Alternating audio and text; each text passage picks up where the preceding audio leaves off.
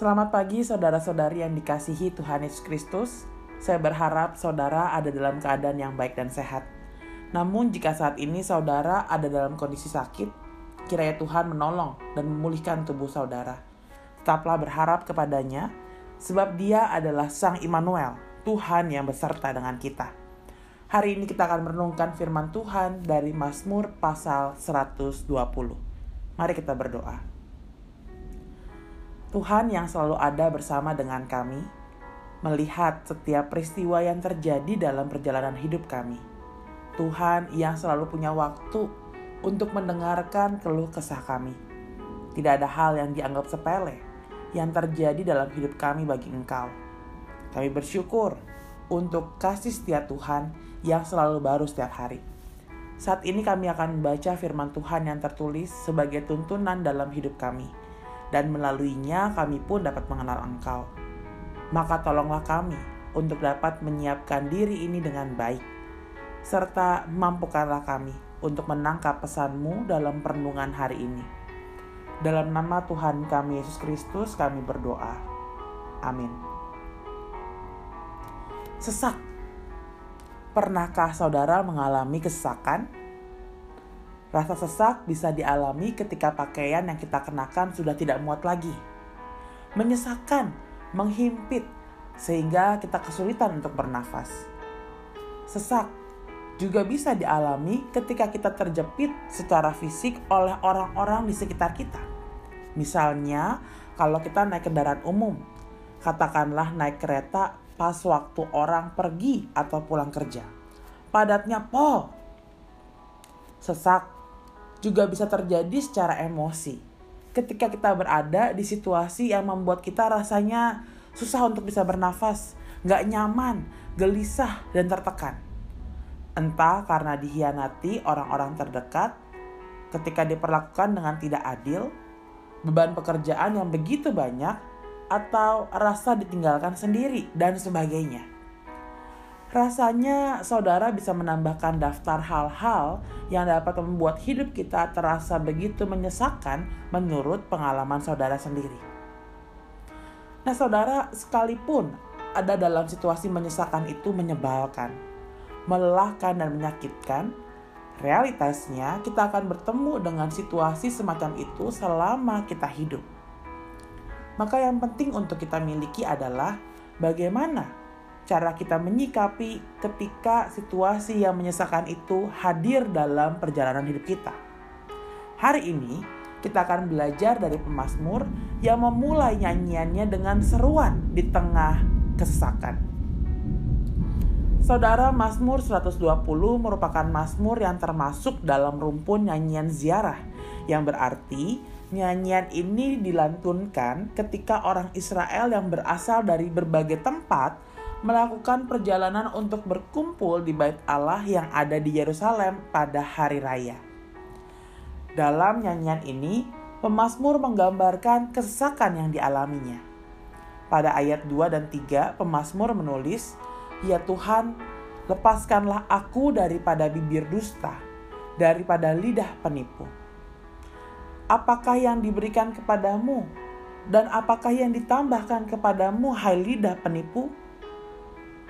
Saudara, bibir dan lidah merupakan dua anggota tubuh yang terkait dengan kemampuan manusia untuk berbicara. Sayangnya, dalam bacaan ini keduanya dihubungkan dengan hal yang negatif, yaitu penipu dan dusta. Dari sini kita tahu bahwa pertama, pemazmur merasa sesak adalah karena dia berada di tengah lingkungan dengan orang-orang yang suka mengatakan hal yang jahat hal yang tidak membangun orang lain, dan berkata bohong demi kepentingannya sendiri. Lalu di ayat 6 dituliskan, Cukup lama aku tinggal bersama-sama dengan orang-orang yang membenci perdamaian. Penyebab selanjutnya yang membuat Mazmur merasa sesak adalah dia hidup bersama dengan orang yang suka mendendam, suka bertengkar, tidak suka damai. Kalau dalam bahasa Batak, orang seperti ini disebut parbada, tukang berantem. Pemasmur yang suka damai dan bermaksud baik bisa disalahpahami dan orang tersebut justru lebih suka bertengkar dengannya. Semua ini membuat pemazmur mengalami kesesakan dalam hidupnya. Lalu apa yang pemazmur lakukan? Ada tiga hal yang ia lakukan.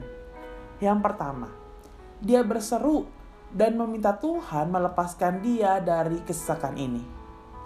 Ketika mengalami situasi yang menyesakan, maka berserulah kepada Tuhan. Mintalah kekuatan agar kita dapat bertahan dan bersabar menantikan waktu ketika ia melepaskan kita dari kesesakan itu. Pada saat yang sama, jangan lupa untuk mendoakan mereka yang membuat hidup kita terasa sesak. Kita tidak tahu peristiwa apa yang mereka alami dan melukai mereka sehingga mereka menjadi sosok yang suka menyakiti selamanya. Mintalah Tuhan mengubah mereka, memulihkan mereka ketika ada luka-luka yang terus-menerus membuat mereka menyakiti orang-orang di sekitarnya. Yang kedua, pemazmur juga cukup lama tinggal bersama dengan orang-orang yang suka berperang. Tetapi itu semua tidak mengubahnya menjadi sama seperti mereka ia tetap suka dengan perdamaian. Di sini kita belajar bahwa ketika dilukai, disakiti, ditekan, difitnah, dan mendapat perlakuan yang jahat, jangan biarkan diri kita kemudian menjadi pelaku berikutnya yang melakukan hal tersebut kepada orang lain. Mintalah Tuhan agar kita dimampukan tetap baik, sekalipun situasi di sekitar kita tidak baik tetap memancarkan terang dan menggarami sekalipun situasinya begitu menyesakkan. Jangan lupa, ketika garam tidak memberi rasa asin, maka garam itu akan dibuang karena tidak lagi berfungsi sebagaimana mestinya dan dia kehilangan jati dirinya. Maka tetaplah hidup baik seperti yang Tuhan ajarkan, sekalipun kita disakiti dan memang situasinya tidak mudah. Yang ketiga, Saudara sekuntum terata yang indah tumbuh di air yang keruh. Di sini kita mau belajar. Yang ketiga, sekalipun situasinya menyesakan, coba tetap temukan terata yang indah di dalamnya. Hal ini akan menolong kita supaya kesesakan yang kita alami tidak berlalu begitu saja. Melainkan, kita tetap bisa menemukan hal yang baik yang bisa kita syukuri di dalamnya. Kita bisa melihat tangan Tuhan yang membentuk kita dalam situasi yang menyisakan itu.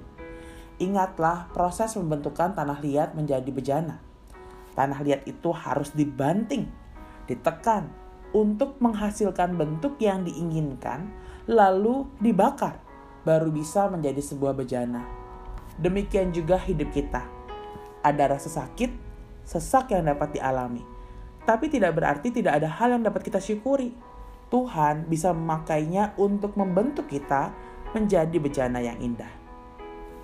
Tiga tips yang kita pelajari dari hidup pemazmur di tengah kesesakan, kiranya juga menolong kita untuk dapat menyikapi kesesakan-kesesakan yang kita alami. Ketika hidup terasa begitu menyesakan, datang dan berserulah kepadanya. Karena bagi dia, segala sesuatu yang terkait dengan hidup kita itu selalu berharga baginya. Selamat beraktivitas dan menikmati berkat Tuhan di dalamnya. Tuhan memberkati. Amin. Kita kembali berdoa. Bapa dalam surga, di dalam kesakan kiranya kami dapat hidup semakin dekat dan melekat dengan Engkau. Supaya kami mendapatkan kekuatan, penghiburan, dan kehangatan kasih-Mu yang menolong kami untuk dapat tetap melangkah di dalam kesakan sekalipun. Kami berdoa di dalam nama Tuhan kami Yesus Kristus, Gembala Agung yang mencintai domba-dombanya. Amin.